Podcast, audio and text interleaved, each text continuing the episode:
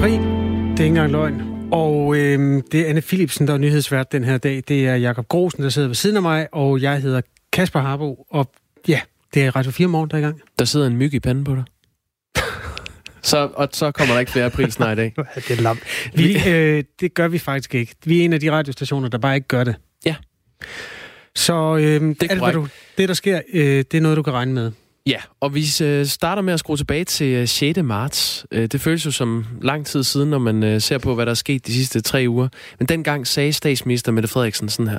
Myndighederne opfordrer arrangører til at udskyde eller aflyse alle arrangementer, hvor der er mere end 1000 deltagere. Sagde statsminister Mette Frederiksen på et pressemøde, der foregik i København. Og der var jo langt til Herning på det tidspunkt. I Herning, der lød det samtidig Øh, sådan her.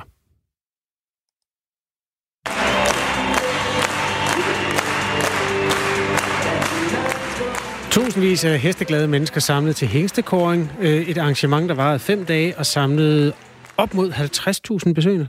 Ja, og øh, nu her, tre uger senere, øh, der ligger Herning-området øh, ret højt i forhold til antallet af smittede. Jeg sidder her, det gør du også, Kasper, med et kort fra Statens Serum Institut, som viser øh, andelen af smittede i landet. Og øh, der er ligesom de områder, hvor der er flest øh, smittede med coronavirus, er lilla, og der er selvfølgelig, der er Storkøbenhavn, Bornholm er også overraskende, men Herning bonger også ud på den konto.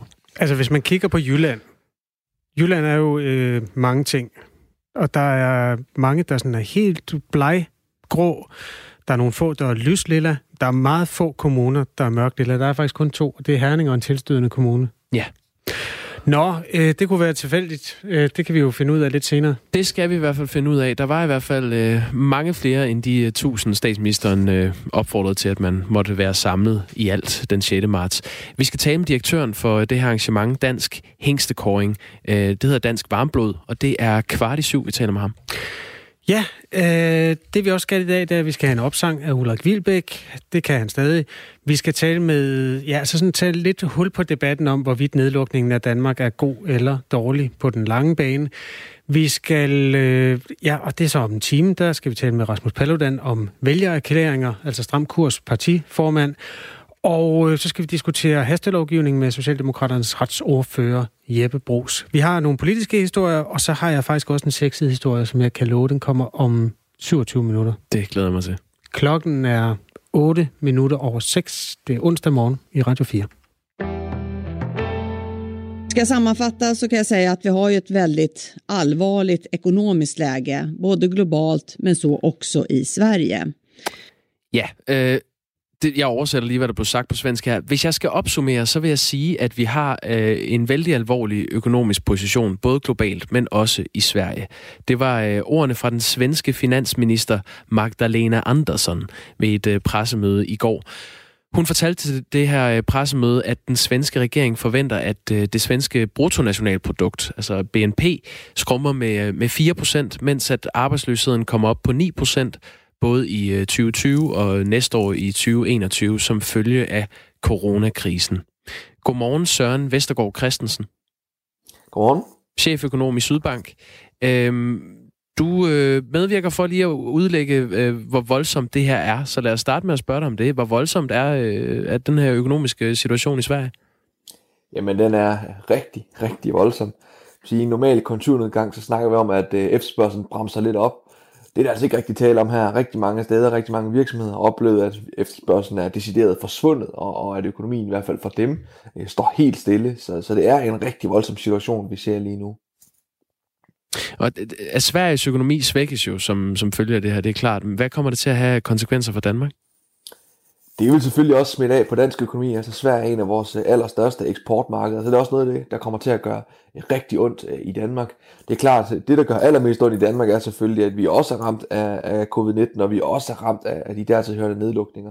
Det er det, der gør allermest ondt, men, men at når vi også ser det her i Sverige, så fortæller det selvfølgelig også en historie om, at selvom vi får åbnet op, og selvom vi begynder at få styr på situationen i Danmark, så er vi også rigtig afhængige af, at man gør det andre steder. Og når man også er så hårdt ramt i Sverige, så kommer det altså også til at smitte af på, på de danske virksomheder. Ja, Danmark samarbejder jo tæt med Sverige. Altså, vi, vi eksporterer årligt øh, varer og tjenester for 125 milliarder kroner til øh, vores øh, svenske broderfolk, og det er næsten 10 procent af vores samlede eksport. Øhm, den danske regering har jo ikke lavet en lignende analyse, som den, man har lavet i, i øh, Sverige endnu. Hvorfor har vi ikke øh, set sådan en analyse fra, fra dansk side? Jamen, de kommer med sådan nogle faste intervaller. Altså, vi skal nok vente til maj, før vi ser en analyse fra, fra regeringen. Man kunne selvfølgelig godt have været ude og ligesom give et bud på, øh, hvad kommer det her til at betyde for dansk økonomi. Men det er øh, helt enormt svært, og man skal selvfølgelig altid lave en hel del analyser, når man skal lave sådan en økonomisk prognose, øh, eller undskyld, en hel del antagelser. Og, og det skal man virkelig også gøre sig her. Og en af de helt store antagelser, det er, hvornår er det, vi kan åbne økonomien op igen. Og det er klart, det er selvfølgelig ikke noget, man kan sidde og stemme, bestemme ind i Finansministeriet. Øh, skulle man gøre det, øh, og det, det man gør, eller det de, der har lavet prognoser har gjort, det er selvfølgelig at forsøge at lave nogle scenarier, hvor man siger, jamen hvis vi begynder at åbne gradvist op øh, efter påske, eller hvis det tager længere tid, hvad er det så for nogle ting, vi ser ind i for dansk økonomi? Hvor meget har de her hjælpepakker hjulpet her i Danmark? De har hjulpet helt enormt meget. Øh, vi fik at vide i går, at øh, 16.000 virksomheder har, har søgt om at, at deltage i de her hjælpepakker i forhold til lønkompensation. Så det betyder, at det er rigtig, rigtig mange tusinde mennesker, som vi har undgået, der er blevet fyret på baggrund af hjælpepakkerne. Så på den måde har de haft en stor effekt. Man kan diskutere, om effekten har været stor nok, fordi vi har alligevel set en øh, voldsom stigning i, i antallet af fyrede danskere. Så, så det siger også lidt om, hvor voldsom den her situation er øh, her i Danmark også. Søren V. Christensen, fra din stol øh, som cheføkonom i Sydbank, så kommer du om lidt til at få det geniale spørgsmål, hvordan du tror, den det tilsvarende situation er for Danmark. Men inden da, kunne jeg godt tænke mig at høre, hvad der sat i gang i Sverige af ting, der skal holde hånden under økonomien, sørge for, at virksomhederne de ikke lukker, at folk ikke bliver fyret i stort tal. Er der, er der noget, der ligner det danske, den danske model? Altså man, man, har, man har ikke de samme omfattende programmer for, for lønkompensation i Sverige, men, men man, har, øh, man har sat gang i flere forskellige øh, hjælpepakker, som så ligesom skal understøtte øh, svensk økonomi også. Ja, så har man jo heller ikke lukket ned endnu øh, for samfundet i Sverige. Og endnu, det er jo heller ikke sikkert, det kommer til at ske. Nej, det er rigtigt. Man, man, man har ikke taget lige så vidtgående øh, skridt der, men, men det vi så kan se ligesom på trafiktal, og, og det ligesom er rapporter fra svenske virksomheder, det er, at, at det også står ret stille, og der er ikke så mange, der går ud øh, i Sverige, som, øh, som der var øh, naturligvis i starten af marts. Øh, men, men det, altså udgangspunktet, så må det jo ramme svensk økonomi mindre hårdt, når man tager med, mindre vidtgående tiltag i, i forhold til at, at inddæmme sygdommen. Hvis man kigger på de bedste måneder i, øh, i Sverige i forhold til arbejdsløshed øh, i 2019, så var øh, den nede omkring 6 procent på det tidspunkt. Og nu øh, siger den svenske finansminister altså, at øh, arbejdsløsheden kommer op på 9 procent både i 2020 og i, i 2021, som følger den her krise. Øhm, nu varslede Kasper spørgsmålet. Det hvad du selv skal have lov til at stille, eller skal jeg stille, Kasper? Nej, jeg vil godt stille det. Ja, værsgo. Søren V. Christensen, hvordan ser det ud i Danmark? ja, det er et rigtig svært spørgsmål, og vi vil sige, vi har ikke nogen sådan officiel prognose endnu, men der er ikke nogen tvivl om, at arbejdsløsheden kommer til at stige øh, også øh, ret betydeligt. Og vi har allerede set det, der svarer til en stigning på lidt mere end en procent i, i en dansk arbejdsløshed. Øh, så sådan i, i, et, i et meget slemt, et grælt scenarie, så, så, så kan man bestemt ikke udelukke, at vi kommer op på en arbejdsløshed på 10% eller lidt over i en periode.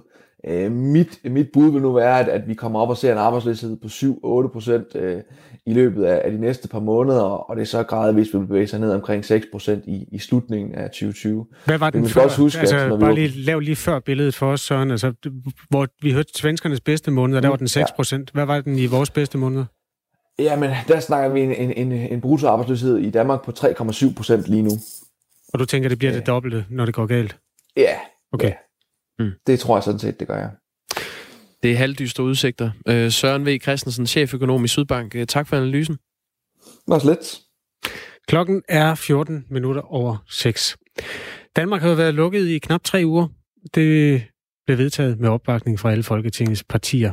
Men debatten er vågnet, og øh, nu skal vi tale med en byrådspolitiker fra Haderslev, som mener, at det her med at lukke ned, det i virkeligheden var forrygt. Godmorgen, Benny Bunde. Godmorgen, godmorgen. Byrådsmedlem i Haderslev Kommune for Liberal Alliance. Øh, nu har vi lige hørt nogle af perspektiverne i forhold til økonomi, og man kan sige, vi er en del af et kæmpe øh, verdensbillede her. Det er jo ikke øh, kun os, der bestemmer, hvordan økonomien skal flyde i Danmark. Men du mener, at det er forrygt, at vi har lukket øh, Danmark ned. Hvorfor? Nej, det skal lige korrigeres. Jeg okay. mener ikke, det er forrygt, det vi har gjort. Det er i orden, at man lige stopper op, og så begynder at klappe hesten. Men så skal man være klar til at justere, og så skal man justere i den rigtige retning. Men, men har du ikke nu... kaldt det fuldstændig forrygt i det interview i øh, Jyske Vestkysten? Jo, det, det, er, det, det er kursen. Det er, at man fortsætter med at holde lukket ned. Når vi nu kan se, så jeg bor i en kommune, hvor vi pt. ingen indlagt har. Haderslev Kommune har ingen indlagt af coronavirus. Og det er altså bekymrende, for Sundhedsstyrelsen vil gerne have, at smitten den kommer langsomt rundt. Og vi skal jo lige huske på, vi har med en virus at gøre, og den eneste måde, vi kan behandle virus på, det er ved vores eget immunsystem. Og derfor er det bekymrende, at det kommer langsomt rundt. Og derfor er det helt forkert, at man forlænger det, det her med, at man ikke må komme ud i påsken. Det mm. passer rigtig fint med, hvor man ser smittetrykket, det ligger henne. Det er, at vi får åbnet op for sommerlandet, og at folk de kan komme ud i påsken. Det er det kalder jeg for rygt, at man forlænger den. Lad os, Benny Bunde, lad os lige tale ja. lidt om det, fordi nu bliver du selvbestaltet virusekspert her, og vi har jo, øh, der er nogle forskellige øh, scenarier, øh, og ja. du har set en sundhedsminister, som ikke er fra dit parti, men han har stået med nogle kurver, hvor der er en rød, der hedder, vi tager hele øh, braget på én gang. Sundhedsvæsenet bliver traumatiseret mange år frem. Det er det, de har prøvet ja. i Italien. Så er der en grøn, hvor man smører det øh, ud over en længere periode, og dermed sørger for, at der er senge og iltmasker nok. Øh, hvad har du af baggrund for at sige, at nu kan vi bare give den, give den fri? Det har jeg, at man kan gå ind og se på, hvordan det udvikler sig i Danmark. Og der er det meget forskel på Danmark. Og det ligger sådan, at når det er meget forskel på Danmark, så skal man agere efter det. Hovedstadsområdet, de har et problem, nu vel, så hold dem lukket lidt længere, men så få åbnet op ude i sommerlandet, til vi kan komme ud og nyde påsken her. Øh, hvis du nu kigger, at man har nogle kommuner, hvor der overhovedet ikke er nogen som helst indlagte, og vi går alligevel rundt og opfører os, som om vi er spedalske, det er jo helt forkert. Og den her smitte, den skal vi altså have langsomt rundt, og det er det, der er sket. Og i går, der faldt kurven faktisk for første gang. Mm. Og det ligger, det ligger sådan, at Sundhedsstyrelsen, den vil jo gerne have, at smitten den kommer langsomt rundt, men den er gået i stå. Nu kender jeg ikke din uddannelse, Benny Bunde. Hvad er du bare, bare lige sådan helt kort, hvad er du af baggrund, siden du kan sidde øh, og tage den beslutning der? Jo, men øh, jeg kan jo sidde og analyse, analysere alle de tal, hvad det er her. Og, øh, Nej, jeg spurgte, hvad er din uddannelse? Jamen, jeg er landmand. Okay, det er for, fordi der sidder jo folk i Statens Serum Institut og tager de her beslutninger på, øh, og i Sundhedsstyrelsen og tager de her beslutninger på nationens vegne. Er du helt sikker på, at du har baggrund nok til at kunne tage sådan nogle beslutninger på Haderslev Kommune og, og egne vegne? Jamen, nu er det ikke mig, der skal komme med at tage beslutninger. Jeg kan bare sige, at det kører af sporet. Det var godt, at man stoppede op, og at man klappede hesten. Men når man så ser, hov, de her, øh, de udvikler sig ikke som sådan. Man har jo et italiensk scenarie. Vi, vi bygger os efter noget, hvad man gør i Italien. I Danmark, der lever vi helt anderledes, som man gør i Italien og Spanien. Vi har ikke tre generationer boen under samme tag, og det er derfor, de har haft sådan en kraftig smittestigning. Hvor ved du det fra? Undskyld, hvor ved du det fra, Benny Bunde? Jamen, det er almindelig viden. Men hvor har det du den er... viden fra? Jamen, det er, jeg er jo en ældre mand, og jeg har jo rejst rundt i verden, og jeg ved, hvordan folk de bor i Spanien og i... i, øh, Nå, hvor, i nej, undskyld, du misforstår. Jeg er nødt til lige at, at, at fastholde på den der. Hvor ved du fra, at det er det, der har gjort, at uh, coronasmitten er, er ude af kontrol i Italien? At det er logisk tænkning. Det er sådan, at når der bor tre generationer under samme tag, så er det unge mennesker, de kommer ud, og de bliver smittet. De har det med, de udveksler kropvæsker. Så kommer hjem til faren og moren. Det sker det ikke noget ved. Men bedstefaren eller oldefaren eller moren, de bliver smittet i de familier der. Øh, det, det er rent logisk tænkning. Det er, det er der faktisk flere, der er enige med mig i. Så det er ikke... Det er Hvem er ikke det, der er enige med dig i det? Det er sådan, hvad folk de begynder at skrive rundt, de forskellige. Hvem er det? Hvad skriver du? Jamen, det, det er, hvad du kan se på medierne. Øh, for det der, det har jo været diskuteret lang tid. Og hvis vi lige tager den her ting mere, det hvad jeg mm. gik ud og opponeret på, det var også, at medierne, I, I er rigtig dårlige til at informere, og det skal I altså blive meget bedre til. Medierne, de opfører sig som om 3. verdenskrig er brudt ud. Det er ikke 3. verdenskrig, det her. Det er en virus, som vi skal holde under kontrol, og mm. den skal vi have smittet langsomt rundt omkring. Og medierne, I har en stor øh, del af skylden til, at det er blevet så overdramatiseret, som det er. For det er virkelig overdramatiseret, det der sker.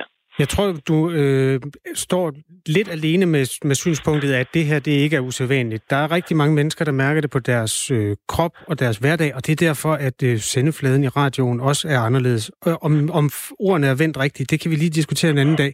Benny Bunde, Øhm, der er jo et land ikke så langt fra os, der hedder Sverige, som vi ja. har beskæftiget os med, øh, også ja. i forhold til deres økonomi for lidt siden, ja. hvor øh, man kan følge nogle kurver, som begynder at opføre sig anderledes end, end de danske nu.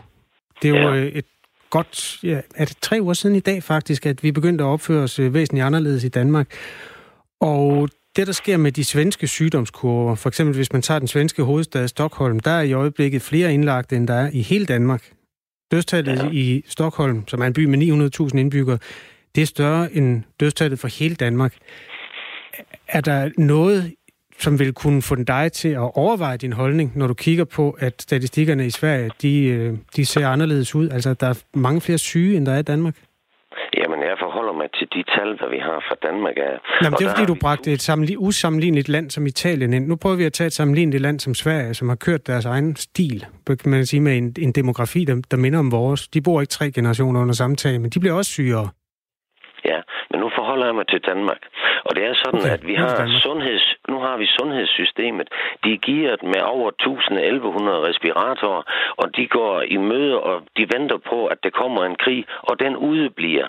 Det er sådan, at sygdommen den er næsten gået i stå i Danmark. Vi kan se, at vi har færre indlagte, og det er også derfor, jeg siger, at det vil være klogt at løsne op, sådan til, at vi kommer ud i, og nyde sommerlandet her i påsken, i stedet for, at vi murer os ind. Og så skal vi stadigvæk passe på dem, der er i risikogruppen. For mm. det er så vigtigt. Uh, vi har selv nogle ældre uh, personer i familien. Jamen, dem farer vi da ikke ned og besøger lige nu. De fødselsdage, dem kan vi holde andre tidspunkter. Uh, og sådan er det. Det her med, at vi lukker et helt samfund ned, og du skal kigge på, hvordan de forskellige tal er, og hvordan de er placeret rundt i landet. Det er visse kommuner, de har overhovedet ingen problemer. Hvorfor skal man da så holde helt lukket ned der? Man skal sørge for, at den her smitte kommer rundt, og det vil Sundhedsstyrelsen også gerne have. Den er bare gået i stå, og nu går det altså for, at det er blevet bremset for hårdt op nu. Og det er derfor, man kan lige så godt benytte påsken til at komme ud i sommerlandet. Ja. Det vil være fornuftigt. Det er i hvert fald din holdning. Øhm, lad os, Ja, og øh, hvis vi skal have fakta på plads, for nu refererer du til et fald i antallet af indlagte, og det er jo rigtigt. Øhm, tallet er 529 indlagte, det var de tal, som Sundhedsstyrelsen offentliggjorde i går, og det er et fald på fire. Øhm, og så er der 131, som ligger i respirator. Øh, de ting, som, som du, øh, hvad skal man sige, opfordrer til her, det lyder jo nærmest som civil ulydighed. Tag ud i sommerlandet. Er, er, det, er det sådan, vi skal uh, høre det? Nej. Okay. Uh, jeg opfordrer bare til, at man inden ved beslutningstagerne tænker sig om en ekstra gang og siger, hov, nu begynder det her godt nok at udvikle sig helt anderledes. Vi har styr på situationen. Vi skal have smitten til at komme lidt langsommere rundt. Den er gået i stå nogle steder, og derfor ville det være rigtig godt, at man åbnede op til påsken, og sådan til folk, de kommer ud i sommerlandet. Men tror du ikke, de er i stand til at selv at tage de overvejelser hos Sundhedsstyrelsen? Det er jo deres øh, faglighed, du er inde og, og rode med der. Nej, nej, det er det nemlig ikke, for Sundhedsstyrelsen vil gerne have, at smitten den kommer langsomt rundt. Nu er smitten gået i stå. Meget overraskende, så kommer det her meget før. Og, og det er derfor, vi har jo et hospitalvæsen, der giver til at tage imod en rigtig masse patienter. Og nu har jeg selv lavet kontakter inden for sygehusvæsenet der, og det er så stille som aldrig før, fordi at man har aflyst en masse operationer og udskudt en masse ting, og man er klar til den helt store invasion. Og ved I hvad? Den kommer ikke. Vi... Men de åbner jo efter påske, kan man sige. Der bliver lang- åbnet langt langsomt op efter påske. Det der er blevet sagt. Ja, nu er det ingen, der ved, hvordan det kommer til at gå, men det ville jo være en fordel, at vi åbnede inden påske, sådan til vi kom ud i sommerlandet, og til vi fik sat lidt gang i samfundet stadigvæk. Alle dem der, der er afhængige af, at de har et godt påskesal, det er alle restauranterne ude i sommerlandet. Det, det, det, det ville være mm. rigtig klogt, at man gjorde det. For det passer også godt sammen med, hvordan smittebilledet det ser ud. I skal prøve lige at gå ind og studere de der tal, hvordan det ligger i de forskellige kommuner. Så tror jeg, jeg, I bliver lidt overrasket. Men, men prøv at høre, jeg studerer simpelthen tal fra morgen til aften, og det, det og, og derfor, men jeg ved også, at vi lever i et lille land, og derfor, øh, hvis du kigger på, hvordan det har flyttet sig i Italien, der har man jo haft et Norditalien, hvor det er stukket fuldstændig af. Syditalien har nærmest ikke haft nogen, men nu begynder de omkringliggende regioner til Lombardiet jo også at få deres egne øh, epidemier. Og det siger jeg bare til dig for at, at fortælle dig, at ting kan flytte sig, også selvom at, at øh, folk ikke er konstateret smittet i en bestemt region endnu. Øh, du refererer hele tiden til, at der ikke er særlig mange smittede. Hvor ved du egentlig det fra? Hvor mange bliver testet i Haderslev Kommune? Det tal, det har efterspurgt og har bedt en journalist om at finde, øh, og det findes ikke, det tal. Hvordan ved du så, at der ikke er særlig mange smittede? Vi har ingen indlagt. Nej. Vi har nul indlagt. Men der findes jo... Altså, jeg har en kollega, som øh, var coronasmittet, som, som ikke anede, at han var syg. Altså, der er jo rigtig mange mennesker, der går rundt og han, var, han nåede ikke at smitte nogen, for han nåede ikke på arbejde, efter han blev, øh, kom hjem fra, fra skiferie. Det lader ham det ikke, men det er bare for at sige, at der er mange mennesker, der ikke har nogen symptomer. Ja, og det er rigtig godt, for så er, det sker det der med, at vi får lavet den der naturlige immunisering, hvad der skal til. Og det er det, jeg efterspørger. Det er, at de vil lade være med at omtale den her virus, som om det er 3. verdenskrig, der er brudt ud, for det er det ikke. Vi har en virus, der skal bekæmpes, mm. men den er helt forkert, som det bliver malet op. Det bliver gjort, og det, det bliver sendt en masse skrækscenarier ud. Og det er det, der er helt forkert. Og det er derfor, journalisterne de har en kæmpe opgave i at begynde at informere lidt mere, i stedet for at komme med en masse skrækscenarier. Jeg står op klokken 3 om natten for at informere. Jeg står op før dig, Benny Bunde, øh, ovenikøbet byrådsmedlem i Haderslev Kommune, og landmand, øh, Liberal Alliances øh, byrådsmedlem der. Tak fordi vi måtte snakke med dig her til morgen. Det er bare i orden. Godt. Hej. Hej igen. Klokken er 6.25. Se ne devi andare a casa adesso, non voglio le scuse. Dove andate con questi cani che hanno la prostata infiammata? Mamma mia, per favore. Det du hører her, det er lyden af vrede italienske borgmestre, der i videoer på sociale medier giver deres borgere en opsang for ikke at overholde de regler, der skal inddæmme corona i Italien. For eksempel lyder opsangen i øh, en af de her videoer øh, sådan her fra Antonio Totolo, som er borgmester i Lucera. I bruger mobile frisørsalonger. Hvorfor fanden gør I det? Øh, kan I ikke forstå, at det, jeres begravelse, kommer til at foregå med lukket kiste? Det er altså noget, man kan tage at føle på. Øh, altså, her... du, han mener, man bliver pænt lige, hvis man øh, tager ud og bliver klippet nu? Er det det, han siger? Ja. Kan I ikke forstå, at, at jeres begravelse alligevel er med lukket kiste? Så det er lige meget, hvor pænt jeres hår sidder, når I lige om lidt er døde af corona? Ja, det ja. kan du notere dig, Kasper. Det er meget italiensk. Jamen, jeg har jo langt hår. Ja, det er pænt. Øh, de italienske borgmestre, de er jo øh, i de her vrede videoer, de er gået viralt på internettet. Øh, og så er spørgsmålet så, hvorfor er der ikke nogen danske borgmestre, der giver deres borgere en god øh, coronaopsang, når de øh, overtræder regler som for eksempel øh, øh regler om, at man ikke må forsamles øh, mange personer sammen eller, eller feste sammen. Så derfor har vores journalist og øh, vært på Radio 4, Tine Toft, øh, hun har taget turen til Viborg for at se, om hun ikke kan få den tidligere håndboldtræner Ulrik Vilbæk, der engang var kendt for at give en gedin omgang skal ud, øh, for ham til at give en opsang til de danskere, der ikke overholder coronareglerne. Jeg har nu fået monteret øh, diktafonen her for enden af en boomstang, hedder det, som radioen har købt ind, så vi kan lave øh, reportage på behørig afstand i coronatiden. Og øh, det smarte ved den her boomstang, det er, at radioen så også har købt sådan en lille holder med, som skal sidde for enden af boomstangen, men som passer til en mikrofon.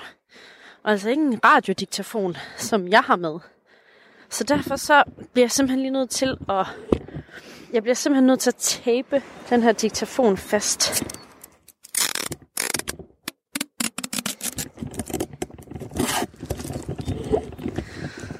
Så.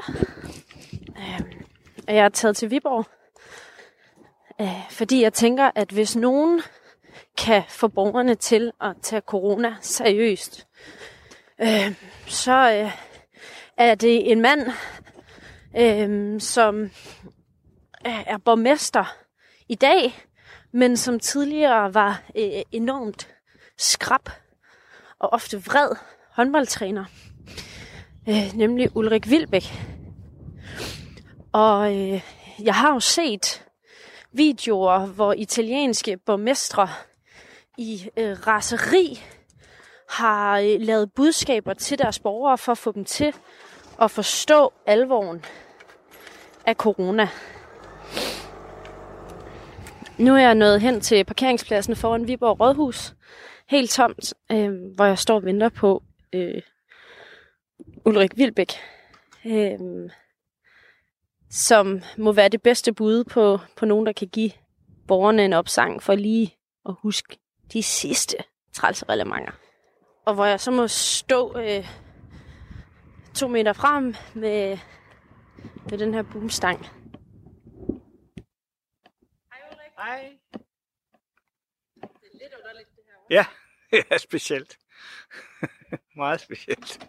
Ulrik, må jeg starte med at vise dig en video? Ja. Jeg, bliver, jeg sender den lige til dig på en sms. Ja. Er den, ja. Non succede nulla, è inutile che scriva a me. Che cazzo mi scrive a me? State in casa che non succede niente. Ste cazzo di parrucchiere che vanno in casa. Det er, det er meget temperamentsfulde borgmestre, ser det ud til. Ja, jeg tror, jeg har set nok. ja, men det er jo, det er jo temperamentsfulde borgmestre, og, og det er jo for det første en anden situation i Italien, end det er i Danmark. Øh, indtil videre har vi jo ikke det der store udbrud. Det må vi jo se, og vi håber jo, det slet ikke kommer. Vi håber, vi har inddæmmet det. Men derudover så er det også min, øh, min erfaring, og sådan som jeg også oplever det, at danskerne bare er øh, lidt mere disciplineret, end man er i Sydeuropa. Øh, og jeg har faktisk gået rundt her rigtig mange øh, kilometer de sidste øh, 14 dage, sådan øh, en 10 km om dagen, bare for sådan at følge, dels for at få noget motion, og dels for at finde, hvordan går det. Og jeg må bare sige, at jeg har ikke set nogen endnu, der har været øh, udisciplineret, eller har været flere end 10 forsamlet, øh, eller noget andet. Der er unge mennesker, der to og to går tæt, men det kan jo være kærester og sådan noget. Men, men jeg er sådan øh, meget godt tilfreds. Øh. Ulrik Vilbæk, jeg har jo også kontaktet dig, fordi jeg tænkte, hvis nogen i det her land kunne give en temperamentsfuld og kontant opsang til, til borgerne, så, så var det dig. Og så, øh, så kan jeg godt se og, og fornemme på det hele, at, at det, det kommer ikke til at ske. Nej, det kommer ikke til at ske, for hvis man øh, virkelig skal give øh, nogen en opsang, så skal der jo være en grund til det og en mening med det. Og øh, det har jeg i hvert fald ikke i min egen kommune endnu oplevet, at der var grund til. Jeg kan selvfølgelig ikke se, hvad der foregår inde i lejligheder og inde i huse, men, men øh, jeg må bare sige, at øh, disciplinen er fin, og folk gør meget ud af det, og, og nogen ja, nærmest overdriver det, når de går en tur rundt om søen med, hvor langt de går rundt om hinanden og, og sådan nogle ting. Ikke engang bare en lille bitte opsang. Nej, det bliver ikke, øh, der bliver ikke bare en lille bitte opsang, fordi øh, en opsang skal man kun give, hvis øh, der er grund til det. Så for mig handler det meget mere om at sige, bliv nu ved med at gøre sådan, som I gør nu. Er du slet ikke blevet nødt til på dine 10 km gåture at sige et eller andet bare til én? Det er faktisk ikke. Øh, nu, er, nu har vi jo heller ikke udgangsforbud, og det er jo den helt store forskel på Italien og Danmark. Øh, fordi jeg er sikker på, at hvis vi havde udgangsforbud, så ville vi også se nogen, der overskred øh, det. Også fordi folk skal jo øh, ud af nogen grunde en gang imellem. Øh, de skal jo også have jeg tænker bare, hvordan lufter man ind i sine hunde øh, i Italien? bare sådan en lille detalje, ikke? Øh, og derudover, så skal der jo købes ind og sådan nogle ting. Ulrik Vilbæk, hvis vi får et udgangsforbud eller en skarp forværing, kan vi så øh, regne med øh, dit temperament til at give nogen en opsang, eller er det simpelthen forsvundet? Jamen, altså, jeg ved ikke, om jeg har så voldsomt temperament uden for sportsbanen. Det tror jeg ikke, jeg har. Øh, tværtimod. Øh, så, så jeg tror ikke, det er sådan... Øh, øh jeg, jeg, det, jeg synes mere, det handler om at kommunikere klart og tydeligt. Det var så let. Nej. Øh, men tak skal du have, Ulrik. Det var så let. Ha' det hej, godt. Ja, hej. Jeg tror godt, man kan kalde det en forfejlet mission. Øh, det er ikke Ulrik Vilbæk, vi skal vende os mod når vi har brug for nogen til at ruske op i, i danskerne. Ja, det var vores reporter Tine Toft, der altså ikke helt lykkedes med at få Ulrik Vilbæk til at give øh, danskerne en corona-opsang. Nu er klokken blevet øh, tre minutter over halv syv, og det er blevet tid til et nyhedsoverblik.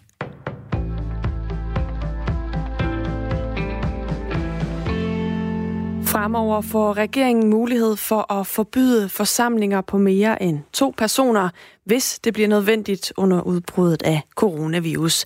Det har Folketinget vedtaget med et bredt flertal sent i aftes. Men selvom hasteloven her er vedtaget, så er det ikke ens betydende med, at det nuværende forsamlingsforbud bliver skærpet med det samme.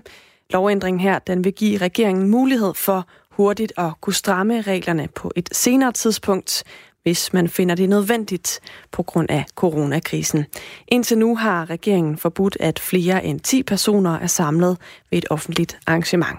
Der er ikke et sundhedsfagligt belæg for at skærpe forsamlingsforbuddet, som altså er blevet indført for at dæmme op for coronasmitte. Det har sundheds- og ældreminister Magnus Heunicke erkendt i et svar til Folketingets sundheds- og ældreudvalg. Statsminister Mette Frederiksen har lagt op til, at vi gradvist kan begynde at åbne dele af samfundet efter påske, hvis den nuværende udvikling i epidemien fortsætter. Men den udmelding deler vandene hos en række eksperter, det skriver Dagbladet Information. Nogen peger på, at vi risikerer en så stor stigning i antal smittede, at sygehusvæsenet ikke kan følge med, og derfor så bør man vente med en genåbning til, at epidemikurven er knækket helt. Så lyder argumentet blandt andet fra Jan Pravsgaard, der er professor i infektionsimmunologi på Københavns Universitet. Det giver ikke mening at begynde at lukke samfundet op, før kurven over antal smittede er på vej ned ad bakke igen. Ellers risikerer antallet af smittede at løbe løbsk, siger han til Information. Andre vurderer, at vi kan slække lidt og gradvist på tiltagene, selvom det resulterer i flere smittede.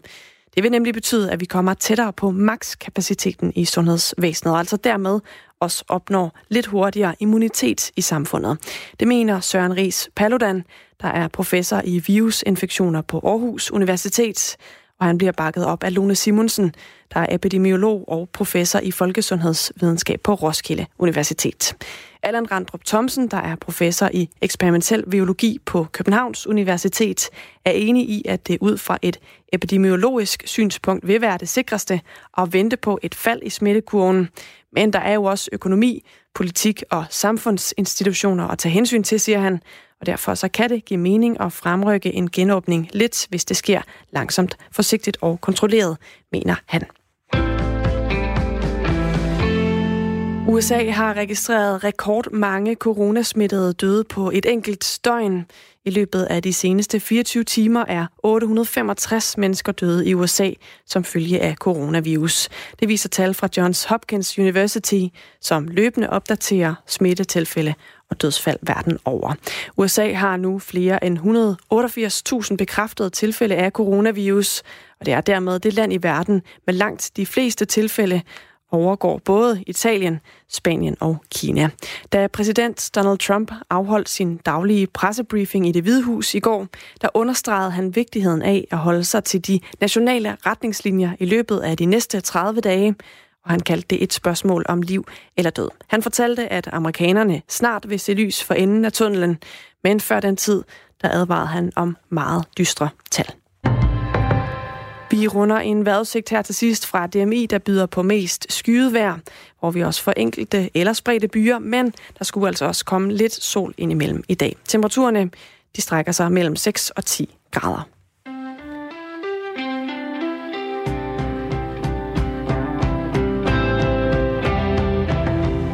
Det er Anne Philipsen, der læser nyheder i Radio 4 morgen. Klokken er 6.37. Før nyhederne talte vi med Benny Bunde, der sidder i byrådet i Haderslev for Liberal Alliance. Han har holdninger til nedlukningen af Danmark, som han synes er overdrevet. Ja, han synes faktisk nærmest, det var forrygt. Øhm, vi har fået en sms, vi har faktisk fået mange på det interview. Teddy skriver, der bor næsten dobbelt så mange mennesker i Sverige som i Danmark, øh, så det er vel også naturligt, at der er flere tilfælde der. Lav regnestykket med antal dødstilfælde i forhold til indbyggertal. Der kan man godt lave en omregningsmodel, hvor det ikke ser så voldsomt ud. Det kommer lidt an på, hvilke byer man kigger på. Man kan også bare kigge på den svenske hovedstad, som hedder Stockholm.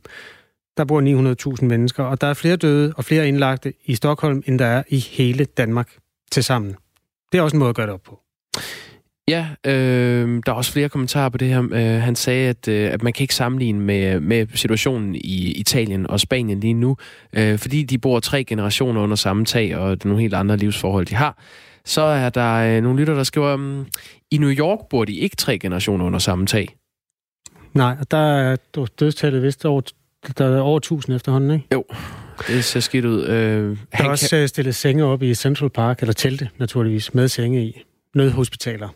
Altså, ja, det, er en totalt nød, vanvittig situation. nødret i, i New York. Hele staten i øvrigt. Og der er også en, der lige kommenterer, øh, han kan jo spørge USA, Italien og nu Sverige, om ikke det var en god idé at lukke ned. Du er velkommen til. Altså, det er jo fuldstændig legitimt at have holdninger til, hvordan man bekæmper det her, også selvom man ikke er virolog. Der er jo flere måder at gøre det på. Det er derfor, at sagkundskaben også er delt på midten. Øh, at der findes danske eksperter, der går en vej, og svenske eksperter, der går den modsatte vej. Hvis du vil blande dig i debatten i det her program, så skriver du R4 i det sms, den sms, du er i gang med at skrive. Den starter du med R4 og et mellemrum, så fører du din holdning ind der, og så sender du den til 1424. Klokken er 20 minutter i syv, og nu skal vi ud og kigge på heste. I en eller anden forstand. Ja. Eller skal, vi kan starte med at kigge på kortet, ikke? Det er et kort fra Statens Serum Institut. Ja. Der Hvad er, ikke der nogen, på det kort? Jamen, der er ikke nogen smittet i Haderslev, som vi også fik slået fast øh, hos Benny Bunde. Der er i det hele taget mange steder, hvor der ikke er nogen smittet i øhm, Jylland og på Fyn. Der er der heller ikke ret mange. Det, det, det, Østfyn, der er, der er nogle, en enkelt kommune, der har den der højlilla glans, men ellers er de lyslilla eller øh, fuldstændig ufarvede, som betyder, at der er meget få tilfælde af corona. Øh, nu, når jeg taler om Fyn og Jylland, så er det fordi, uden for hovedstadsområdet og uden for Sjælland, der er der faktisk kun nogle ganske, ganske få kommuner, der har den der højlilla farve. Mhm. Mm-hmm. En af dem er Herning. Et område skiller sig ud. Det er lige omkring Herning. Øhm, det er den by uden for Sjælland, hvor der er flest coronatilfælde. Det kan der være mange forklaringer på. Øhm, måske er en af dem, at det for tre uger siden lød sådan her i Messecenter Herning. Ja, der var i gang i den, fordi der var dansk varmblods hængstekåring og en messe, der hed Hesterrytter. Der var omkring 50.000 mennesker samlet. Øhm, Christina Tekstrøm er daglig leder af Herning Rideklub, og hun og mange andre fra Rideklubben var med til det her store arrangement. Du kan høre hende beskrive det her. Hængstekåring i Herning er jo årets øh, juleaften, for os i hvert fald. Det er det bedste tidspunkt på året. Øh, der er masser af god ridning, øh, masse rideudstyr, og det er bare fantastisk. Det er det bedste tidspunkt, og vi elsker at være derinde, og vi bruger så meget tid, vi kan derinde. Øhm, så det er helt klart det, vi ser hen imod hver år. Masse udstyr, masse heste, masse mennesker. 50.000 mennesker. Der er jo en sammenhæng mellem hestearrangementet og antallet af coronasmittede i Herning. Det siger Allan Randrup Thomsen, der er professor i virologi på Københavns Universitet. Han siger det til Avisen Danmark. Det er helt logisk, at det har betydet noget. Det er den bedste forklaring, man kan give på de mange smittede i Herning, siger han. Vores reporter, Marken Friis Lange, besøgte Christina Tekstrøm i Rideklubben i Herning, og her er man ikke enig med viruseksperten i, at hængstekåringen er skyld i, at der er øh, spredt en masse corona. Jamen, øh, vi har Fabel, der står der, og nede bag ved Fabel har vi øh, DJ, som er min. Så ejer jeg Hottie sammen med min mor. Og så har vi Detektor, som jeg også ejer sammen med min mor. Og så har vi øh, Dream On, som øh, min mor rider, rider for en dame.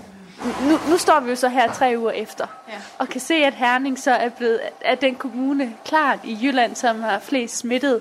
Tror du, der er en sammenhæng? Øh, så umiddelbart tror jeg det ikke. Altså, vi har jo ekstremt mange hjælpere derinde og hjælpe, og vi har ikke oplevet nogen her på stedet, der er blevet testet positiv for corona. Øhm, så det er, det er i hvert fald, og vi har været derinde rigtig meget. Øh, og vi har ikke rigtig haft nogle syge mennesker, og, øh, men altså jeg ved jo også, at, at vi har rigtig mange her i Herning, som har været på skiferie.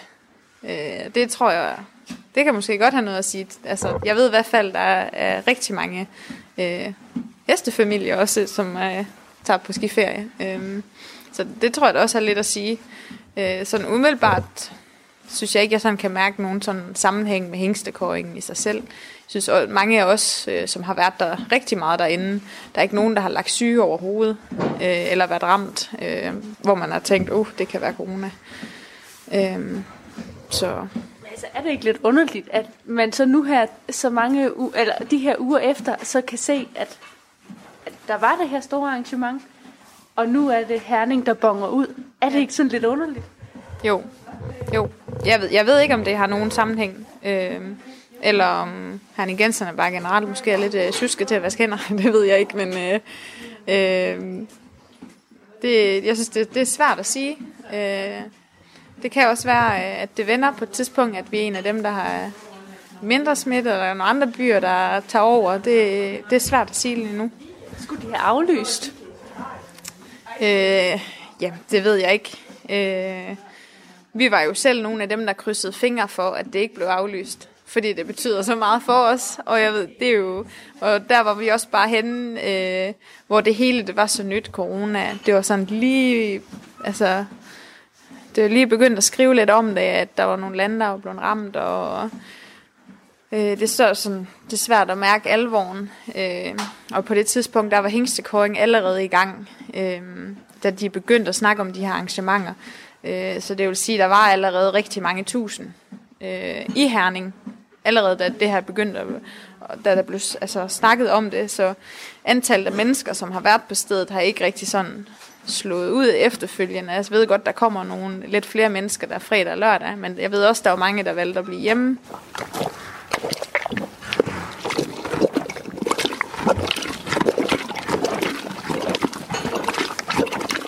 Hvad er det, det er mesh. Hvad er det?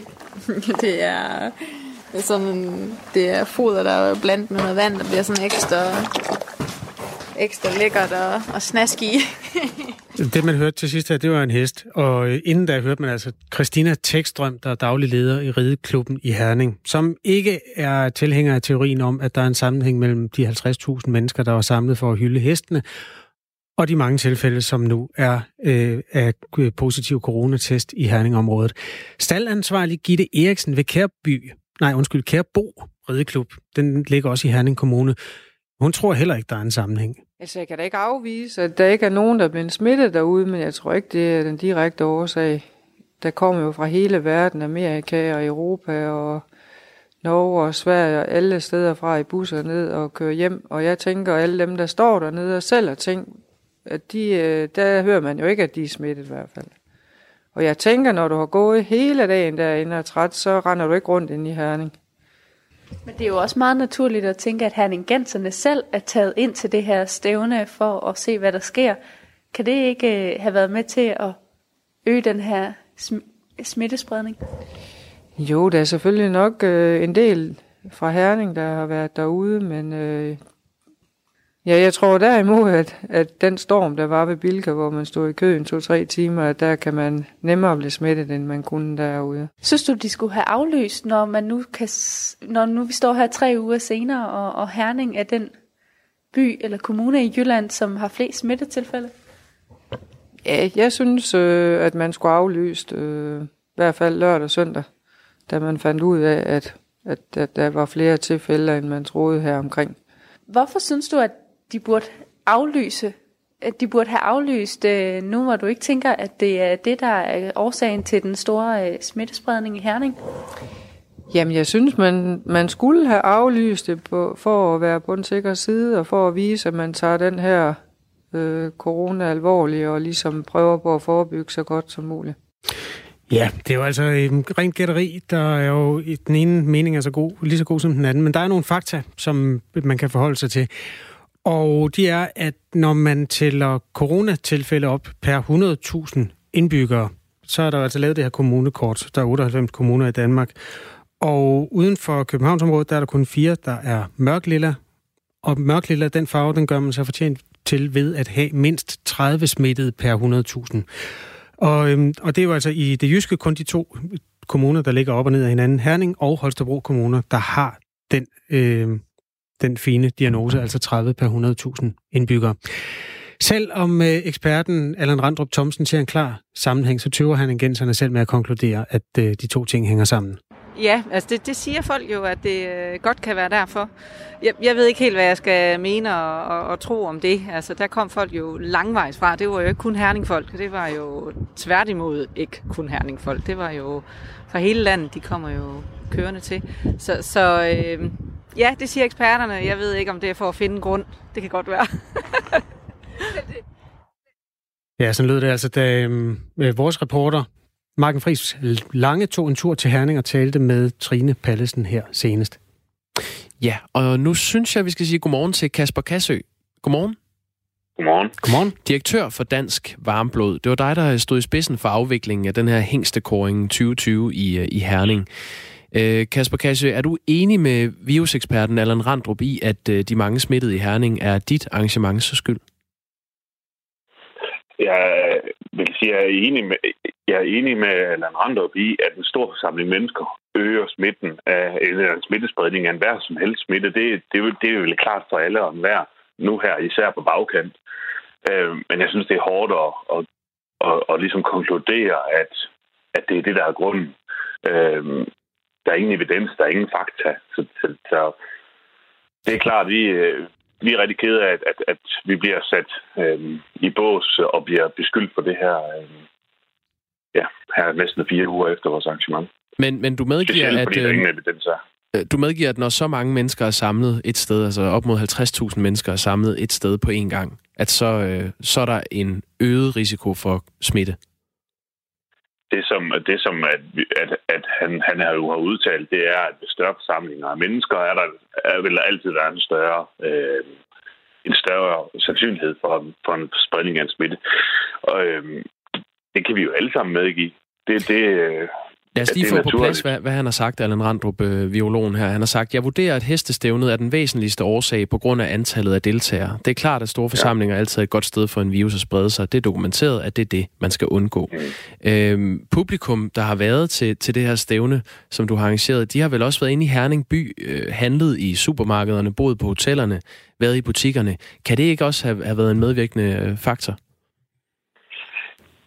Jo, øh, selvfølgelig kan det det. Vi, øh, vores deltagere, man kan sige, at vores arrangement er delt op på flere måder. Det er et arrangement over seks dage, så at sige, der er 50.000 mennesker. Det er også rigtigt, men det er fordelt på seks dage, så vi har jo ikke så mange samlet hver dag. Øh, men der er mange samlet derude øh, i messecenteret. Vi har rigtig mange, der kommer kørende til, og så har vi en masse brugere, øh, der bor på pladsen, og vi bruger selvfølgelig også byens hoteller. Så jo, vi har spredt deltagere og publikum i hele, i hele byen. Vores deltagere er langt fra øh, danske. Det er, øh, eller langt fra udlandske, mener jeg. Vi har, vi, vi har en del udlandske ryttere, der kommer og deltager, men som sådan er arrangementet i et internationalt arrangement med publikum. Øh, så de ryttere, vi har, har egentlig ikke boet i byen. De har mere boet på stævnepladsen i deres lastbiler. Øh, mens at det er primært er det danske publikum, der så har, har boet i byen. Men, men, men hvorom alting er, så, så har vi faktisk øh, under 2% af vores delta- deltagere er fra Herning. Men jo, vi har haft deltagere, der har boet i byen, det har vi. Mm. Øh, Den her hængstekåring i Herning, det er en af verdens største hestebegivenheder, og normalvis har, så har I mere end end 60.000 besøgende. Nu anfægtede du, du lidt tallene. Hvor mange øh, besøgende er der om dagen? Vi har ikke endelig gjort det op endnu. Det var jo sådan, at, at, at, at da situationen her ligesom eskalerede, og, og det var en speciel uge, vi var i, hvor vi jo øh, om mandagen øh, for at vide, at epidemilovgivningen den bliver sat i værk, og myndighederne de beder os om, de beder os om, om øh, information om vores arrangement tirsdag morgen, som de jo får med det samme. Øh, og, og vi øh, rådfører os og gør, hvad vi kan. Øh, følger de anvisninger, der er i forhold til, til smittespredning, vi skal med ekstra rengøring, afspritning osv. Øh, og stor information. Det, der så sker, det er, at fredag øh, til middag, der bliver der lige pludselig øh, et kald til mig fra TV2-nyhederne, der siger, at vi har hørt, at det Mette Frederiksen vil sige om kvarter på et pressemøde, det er, at arrangementet, arrangementer øh, med, med over 1000 publikum, det, det anbefaler man at lukke ned, for har du kommentar på det, så siger jeg, nej, jeg ved ingenting om det, jeg er nødt til at skal se pressemødet. Og derfra eskalerer tingene jo. Ja, lad os lige lade det være en cliffhanger, så lige høre, hvad det så var, hun sagde den 6. marts Myndighederne opfordrer arrangører til at udskyde eller aflyse alle arrangementer, hvor der er mere end 1000 deltagere. Og der var jo mange flere end 1000 deltagere til, til dit arrangement. Hvorfor lukkede du ikke arrangementet ned der? Fordi vi var på fjerde dagen af de seks afviklingsdage. Og hvad så? Fordi, fordi vi var samlet. Jeg havde publikum. De var i hallerne. Deltagerne var i hallerne. Øhm, havde der været en smitte, så var den spredt på det tidspunkt, øh, og det troede vi stadigvæk ikke. Vi skal stadigvæk huske, vi, vi, er fire, vi er snart fire uger tilbage i tiden. Vi er alle sammen blevet meget klogere siden da. Øhm, og, og, og både vi og myndighederne. Øhm, men jeg stod lige pludselig med ansvaret for, hvad skulle jeg gøre? Øh, jeg har ikke forstand på virus. Øh, jeg fik ingen hjælp. Jeg blev ikke kontaktet af nogen som helst myndigheder, selvom vi havde kontaktet dem tilbage. Og det er ikke for at kaste en sten overhovedet, fordi vi har også et ansvar som arrangører. Men det synes jeg også, vi tog. Øh, Synes du det? Fordi når statsministeren går ud på, på landstækkende tv og siger, luk ned for arrangementer, hvor der er flere end 1000 mennesker, og det valgte du så ikke at gøre. Det var om fredagen, og arrangementet varede ind som søndagen. Hvorfor er det ikke nok, at Mette Frederiksen sagde det? Vi skal huske, at på det tidspunkt havde statsministeren jo hjemmel til at lukke tingene ned, øh, hvis de mente, det var nødvendigt. Øh, og, og derfor valgte vi at sige, jamen, vi er i gang. Øh, det giver ikke mening at begynde at lukke det nu. Øh, så det var derfor. Lad os lige prøve at høre en gang til. Myndighederne opfordrer arrangører til at udskyde eller aflyse alle arrangementer, hvor der er mere end 1000 deltagere.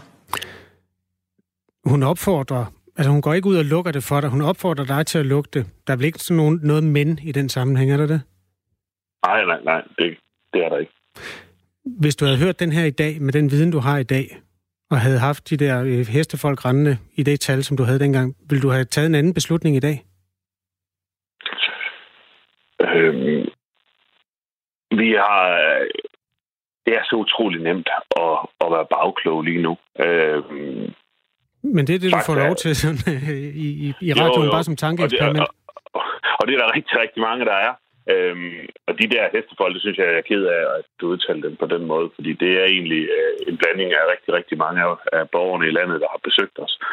Øhm, vi er alle sammen klogere i dag, og, øh, og arrangementet, øh, det blev gennemført øh, med væsentligt færre publikum, end det plejer, øh, men, men det ændrer ikke på, at de var samlet, og, og vi er ked af den situation, vi står i. Det, øh, og som sagt, vi, vi, vi er klogere i dag alle sammen.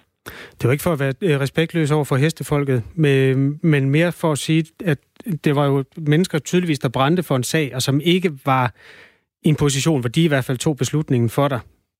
Det var jo, det var jo dig, der var, hvad skal man sige, skulle være øh, den, der ødelagde festen for dem. Var, var, det meget, var det derfor, det var svært for dig at lukke den, eller var det økonomiske interesser, eller hvad var det, der gjorde, at, at du ikke øh, bare tænkte, statsministeren siger sådan, så gør jeg det? Det er klart, når vi er i en situation, hvor at, at vi har så stort et arrangement i gang. Vi har kørt, vi, som sagt, så var det vi på fjerde dagen arrangement, så spiller alle faktorer ind. Det gør økonomi også. Det gør alting. Det gør arbejdspladser. Øhm, så selvfølgelig kigger vi hele vejen rundt.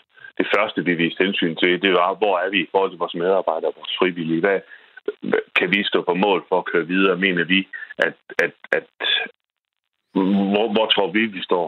Og i og med, at vi stadigvæk ingen hjælp fik, og vi blev, vi blev lige pludselig sat i bås, som var dem, der skulle træffe de vigtige valg og, og være eksperter på, hvornår lukker vi, hvornår lukker vi ikke.